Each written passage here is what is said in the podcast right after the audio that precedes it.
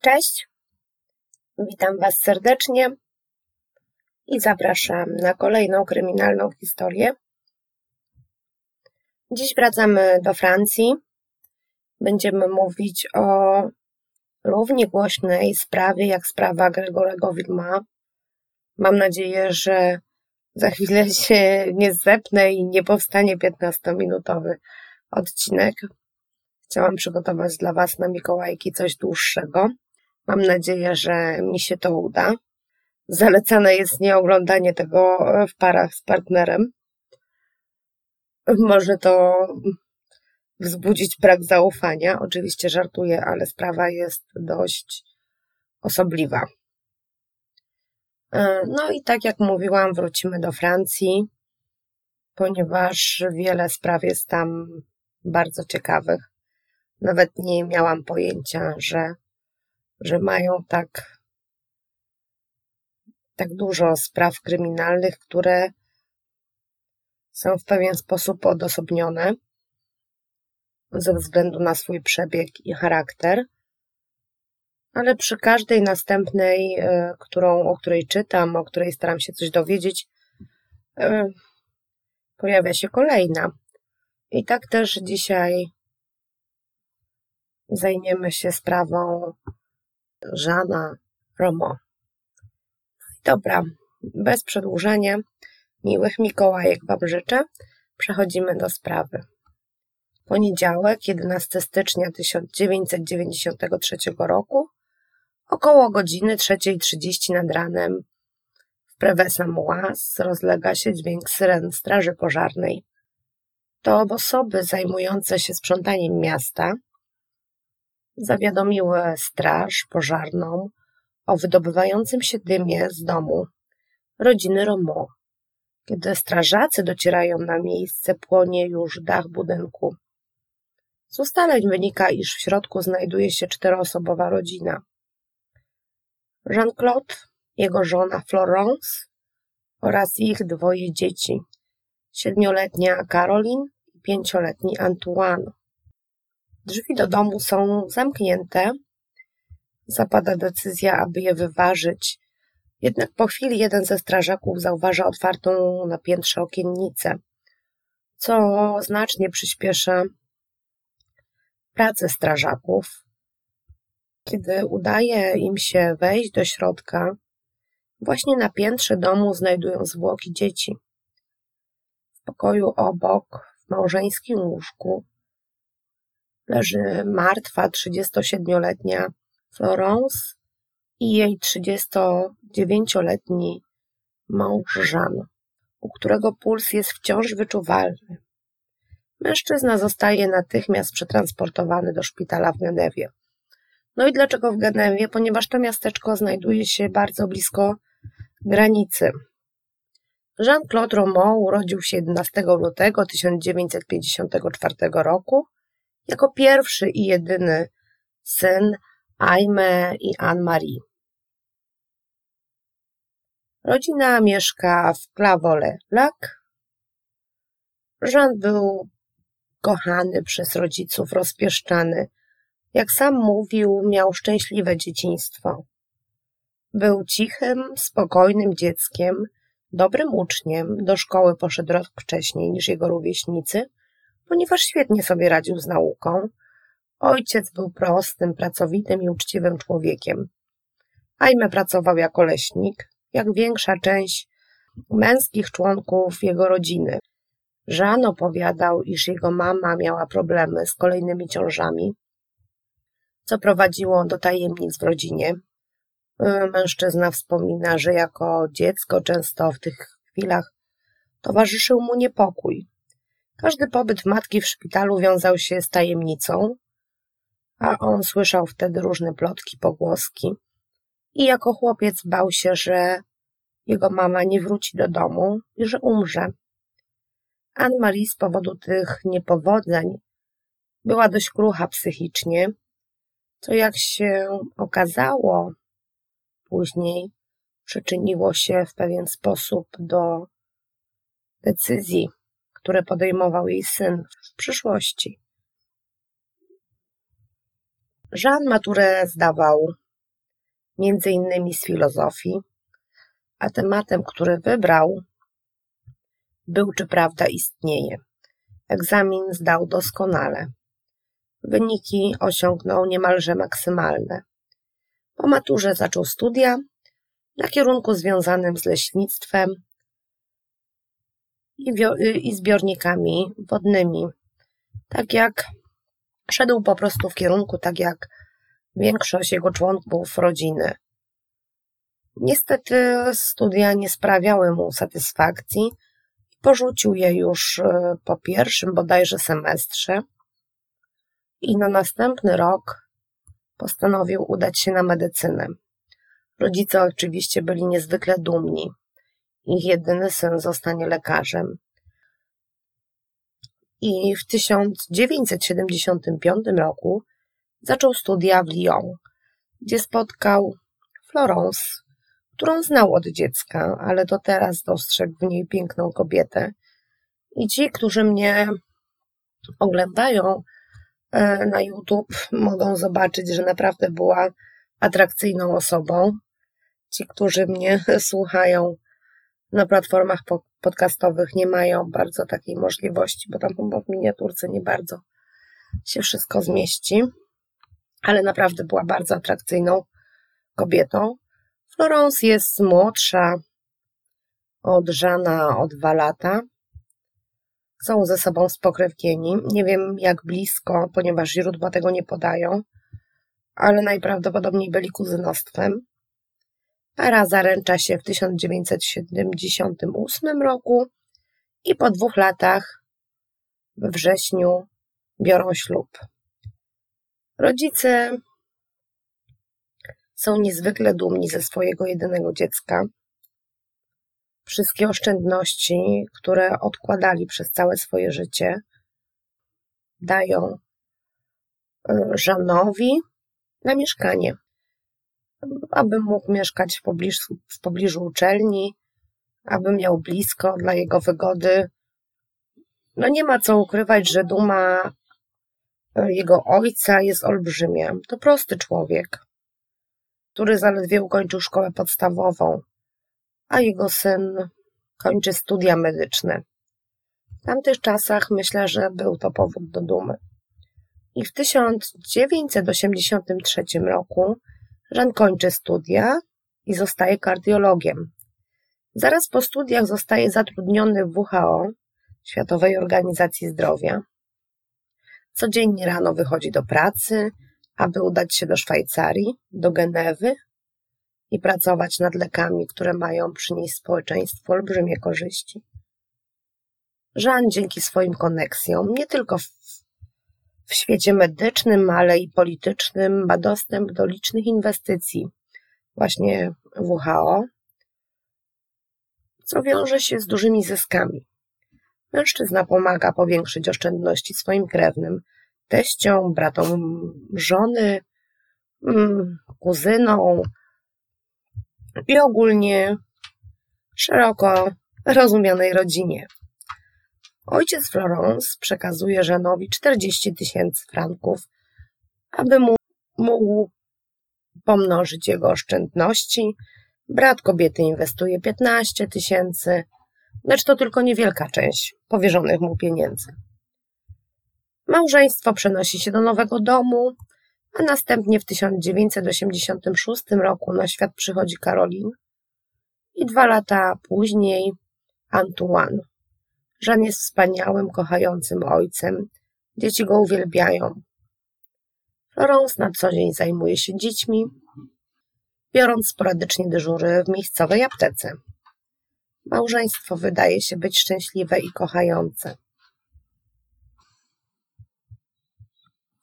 Żan, mimo wysokiej pozycji w instytucie, jest bardzo skromnym i wycofanym człowiekiem. Nie mówi, gdy nie jest pytany, raczej nie wdaje się w dyskusję, odpowiada zdawkowo, monoslabami, nieco śmierszy jest w kręgu przyjaciół, lecz nie przejawia żadnych cech lidera, nie jest też gburowaty, wręcz przeciwnie, jest nieśmiały. Sama Florence uważa, że jej mąż jest tajemniczym człowiekiem. Ale kobieta wydaje się nie zadawać zbędnych pytań. Raczej odpowiada jej, że Jean dba o ich finanse i sprawy związane z inwestycjami, rachunki, wakacje. W 1988 roku udaje mu się zakupić lek za 60 tysięcy franków z Instytutu dla, jego, dla chorego na raka wuja Florence. Co prawda testy nad tym lekiem jeszcze trwają, ale są duże szanse, iż nastąpi zatrzymanie choroby. Krewny co prawda umiera, lecz Jean uważa, że było to spowodowane zbyt późnym czasem podania leku.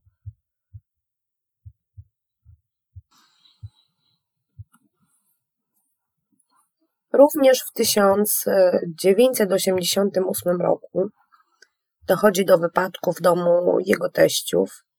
Jean oraz ojciec Florence Pierre naprawiają coś w domu. Panowie spędzają męskie popołudnie we dwóch. Kiedy dochodzi do nieszczęścia i Pierre spada ze schodów. Mimo tego, iż e, Jean jest na miejscu i udziela pierwszej pomocy, jego teść po kilku tygodniach umiera. Matka Florence podejmuje decyzję o sprzedaniu domu i zainwestowaniu pieniędzy, które zyska ze sprzedaży. Oczywiście jest to suma dość pokaz pokaźna. Żan pomaga teściowej korzystnie ulokować te pieniądze na wysoki procent.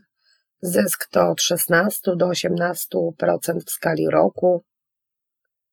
Mężczyzna codziennie rano o 8.30 wsiada do auta, odwozi swoje dzieci do szkoły, po czym udaje się do Genewy lub na uniwersytet w Lyon, gdzie wykłada.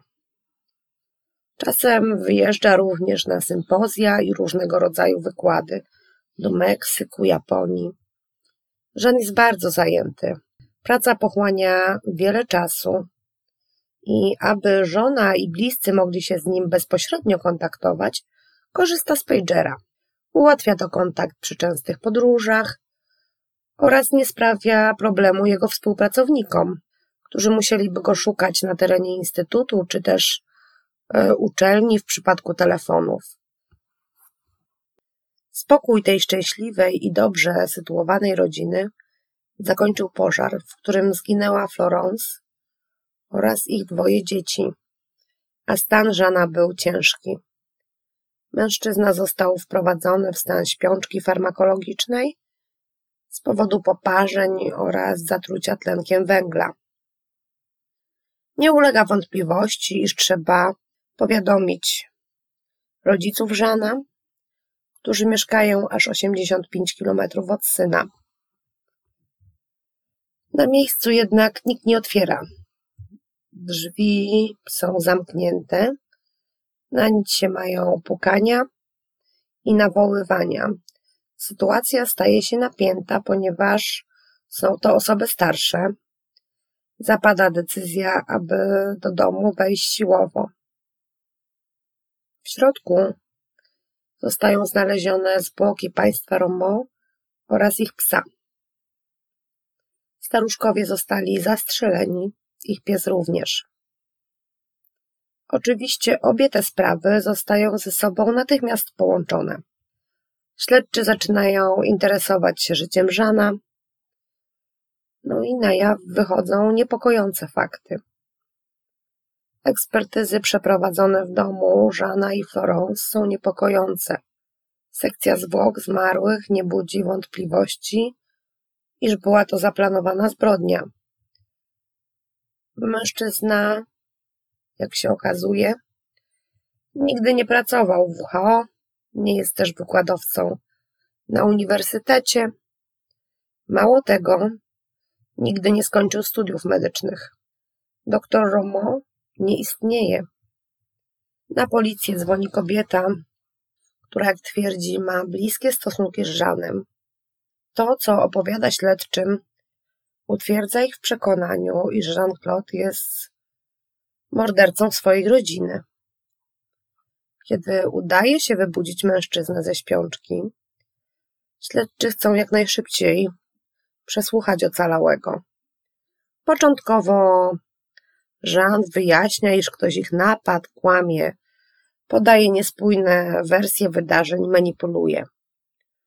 Śledczy przedstawiają dowody, naciskają i Jean przyparty do muru przyznaje, iż zabił całą swoją rodzinę.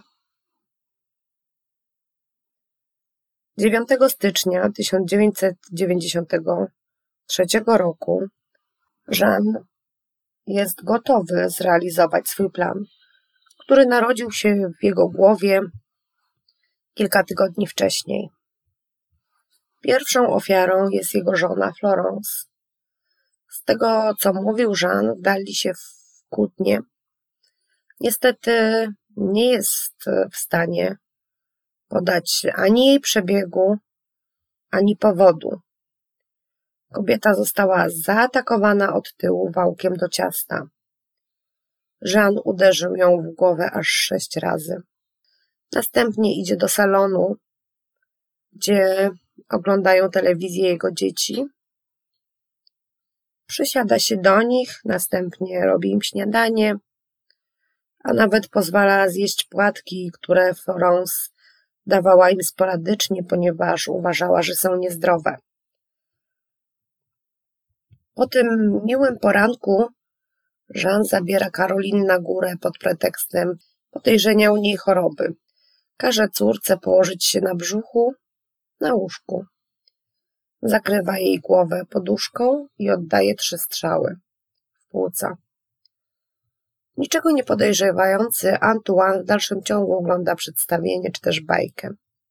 Trzy małe świnki. Ojciec i jego woła na górę pod pretekstem, iż trzeba pomóc y, siostrze. Z pięcioletnim Antoinem postępuje dokładnie tak samo jak z Karolin. Następnie dzwoni do rodziców i umawia się z nimi na obiad. O godzinie 13.30 wszystko czeka przygotowane na wspólny posiłek. Po obiedzie Jean udaje się z ojcem na piętro, gdzie strzela mu w plecy. Następnie zjawia się tam Anne-Marie. I źródła podają różnie.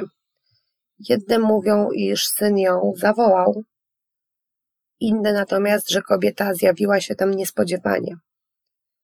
Matka Żana jest jedyną osobą, która została, która nie została postrzelona czy też napadnięta od tyłu.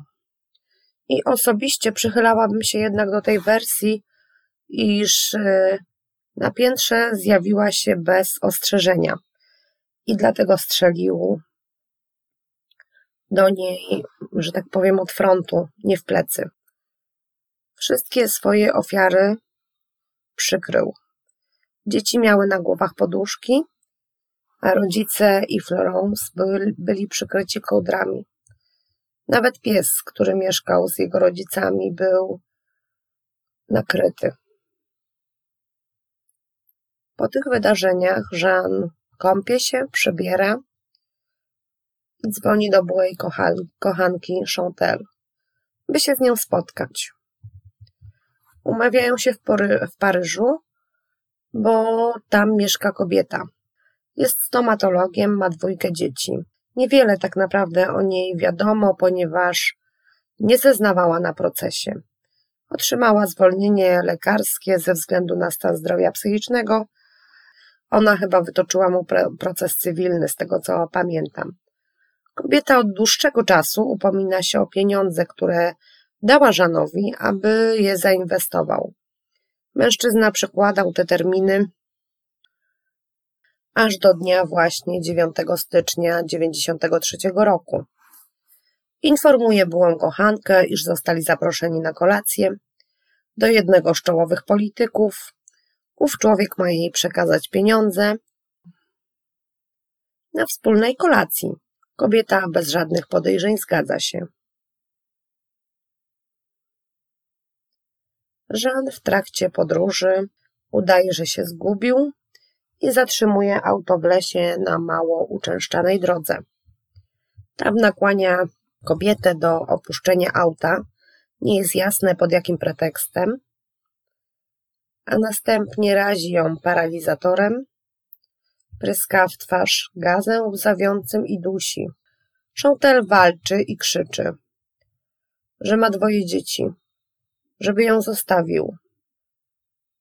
Mężczyzna o dziwo zaprzestaje ataku. Przeprosił kobietę i zapewnił, że bezpiecznie odwiezie ją do domu.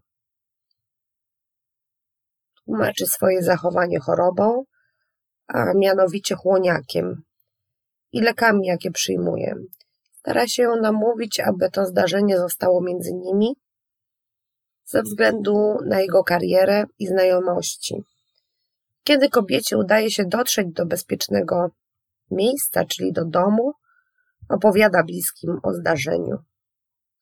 O dziwo jeszcze tego samego wieczora Żan dzwoni domofonem do domu kobiety, starając się ją nakłonić, aby zeszła do niego na dół. Jaki miał plan? Czy chciał dokończyć to, co rozpoczął na drodze? Chantel stanowczo odmawia i Jean wraca do siebie, gdzie ogląda długo telewizję, następnie przyjmuje leki nasenne, wypija alkohol, rozlewa benzynę, którą zakupił zresztą na pobliskiej stacji paliw, a następnie uszczelnia szpary w drzwiach, roznieca pożar i udaje się do łóżka, w którym spoczywa ciało Florence. Kładzie się obok żony i zasypia. Śledczy i sędziowie mają wystarczająco informacji i dowodów, aby oskarżyć Żana o morderstwo. Sprzedawca w sklepie, w którym Jean-Claude zakupił, parali- w którym zakupił paralizator, naboje, gaz łzawiący oraz tłumnik, pamięta go doskonale.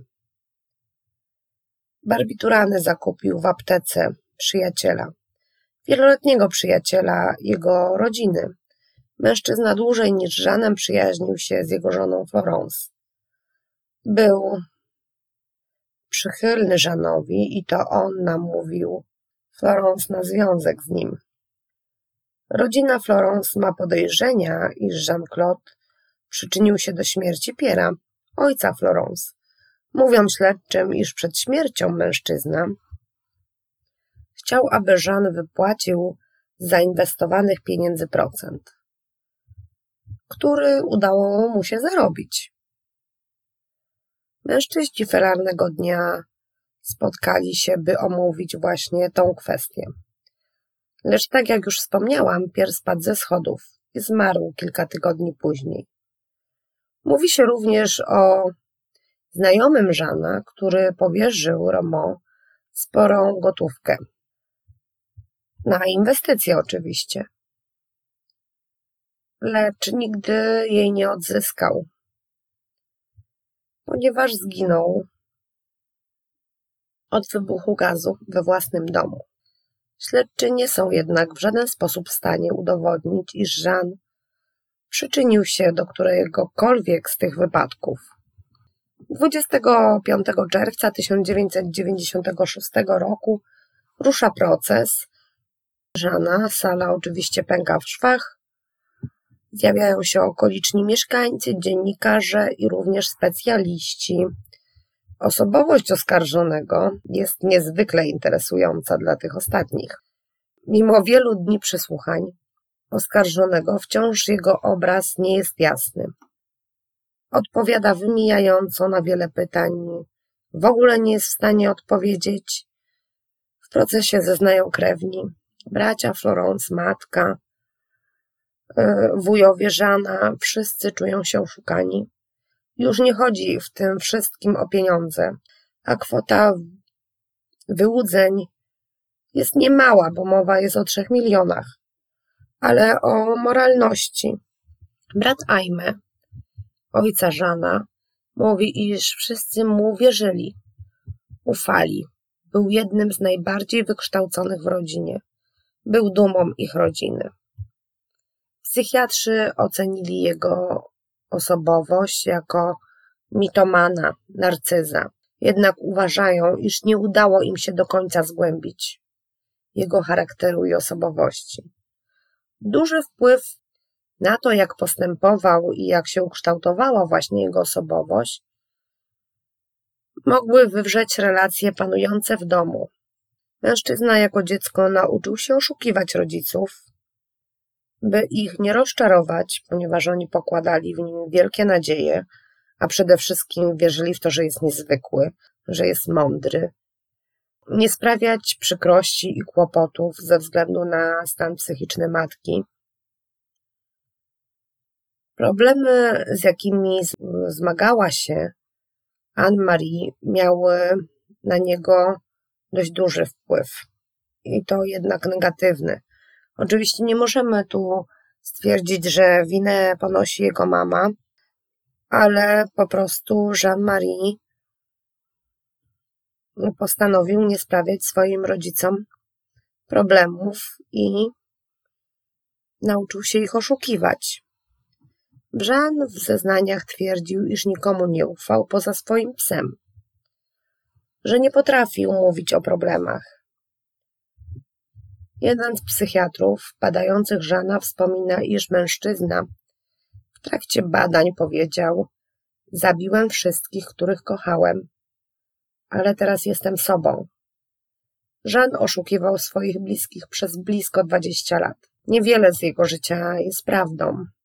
Czas, który spędzał w pracy, jak mówił bliskim, tak naprawdę spędzał przesiadując w samochodzie, spacerując po lasach i górach, odwiedzając biblioteki, sympozja i różnego rodzaju zagraniczne delegacje spędzał w hotelu pokojowym przy lotnisku w Genewie, czytając przewodniki po tych krajach oraz studiując ulotki WHO. Prezenty również pochodziły ze strefy bezcłowej z lotniska. Jedyne, czego nie można było mu odmówić, to wiedzy medycznej, którą faktycznie posiadał. Nikt z osób, które rozmawiały z nim na temat y, właśnie medycyny, nie podejrzewały, iż Żan nie ma wykształcenia w tym kierunku. I mówimy tu oczywiście o osobach również z wykształceniem medycznym. Dwa lata studio, studiów nie poszło na marne, ale i kolejne lata, w których udawał, że, że studiuje, pogłębiał wiedzą naukową. On cały czas się uczył, co jest niezwykłe dla mnie. On cały czas pogłębiał tą wiedzę, przygotowywał się tak, jakby miał pójść do szkoły, jakby miał iść na uczelnię, zaliczać egzaminy. Dlaczego Żan nie skończył tych studiów? Egzamin końcowy z drugiego, e, końcowy, tak, z drugiego roku nie udało mu się zaliczyć. Brakło mu bodajże 10 punktów, a chyba dokładniej mowa była o 9,5 punkta. Dlaczego nie stawił się na kolejny termin? Nie wiadomo. Tam są jakieś takie e, wyimaginowane jego historie o kobiecie, która groziła, że, e, że się zabije z miłości do niego, jakieś listy mu słała. Oczywiście to jest niepotwierdzone w ogóle. Chyba raczej nic takiego nie miało miejsca. Drugie źródła, inne źródła mówią o tym, że miał złamany nadgarstek. No ale nie zmienia to faktu, że miał oprócz tych egzaminów, których nie zdał i tych wrześniowych następnych miał kupę lat, żeby, żeby skończyć te studia i być tym, kim chciał, bo predyspozycje miał do tego, jak się okazuje, całkiem spore. Relacje z Florence również nie były tak kolorowe. Trakcie studiów kobieta chciała go rzucić i to właśnie w tym okresie narodziła się historia o chłoniaku, którą opowiedział ich wspólnemu przyjacielowi, a ten postanowił, mimo próśb Żana o dochowanie tajemnicy, powiedzieć o wszystkim Florence i przedstawić w jej oczach Żana jako dzielnego mężczyznę samotnie walczącego z rakiem. Oczywiście odniosło to skutek. Na ile Jean był w stanie manipulować ludźmi i wiedzieć, że ten ich wspólny przyjaciel, a jest to ten przyjaciel od apteki, gdzie Jean kupił u niego leki, a Florence tam pracowała, powie o tym kobiecie, no ciężko jest powiedzieć, ale pewnie zdawał sobie z tego sprawę. Pod koniec 1992 roku Florence zaczyna zadawać pytania. Niewygodne pytania. Znajomi również orientują się, iż Żan nie widnieje na liście osób pracujących w Światowej Organizacji Zdrowia. Pytania były niewygodne.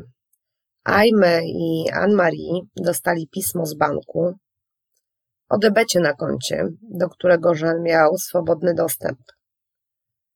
Domek z kart zaczyna się sypać, a w głowie Żana rodzi się okrutny plan. Za pięciokrotne morderstwo Jean-Claude Romo zostaje skazany na dożywocie z możliwością ubiegania się o zwolnienie po 22 latach. W trakcie pobytu w więzieniu sprawował się wzorowo, pracował i nie nawiązywał bliskich relacji ze współosadzonymi. Prowadził kilkuletnią korespondencję z autorem książki ukazującej jego życie. Autor nazywał się, nazywa się Emmanuel Carré i na podstawie tej książki został nakręcony w 2001 roku film. Jeśli ktoś by chciał, to książkę w formie PDF mogę podesłać. To nie koniec jednak historii Żana, ponieważ mężczyzna po odbyciu 26 lat więzienia wyszedł na wolność w 2019 roku. Dziś przebywa w klasztorze i jest pod stałym nadzorem. Ma również zakaz rozmów z przedstawicielami mediów, odwiedzania niektórych regionów Francji oraz kontaktu z krewnymi. I powiem Wam, że w tej historii chyba poruszyło mnie to, że do dnia dzisiejszego nie znamy osobowości tego człowieka. Jest wielkim znakiem zapytania to, kim on jest. I czy on w ogóle w sobie, jako w sobie, kimś jest. Czy jest naprawdę tak dużym mitomanem, że jego osobowość została całkowicie wyparta i on żyje fikcją? No i to by było, kochani, na tyle dzisiaj. Do zobaczenia. Dziękuję za wspólnie spędzony czas. Cześć. Trzymajcie się.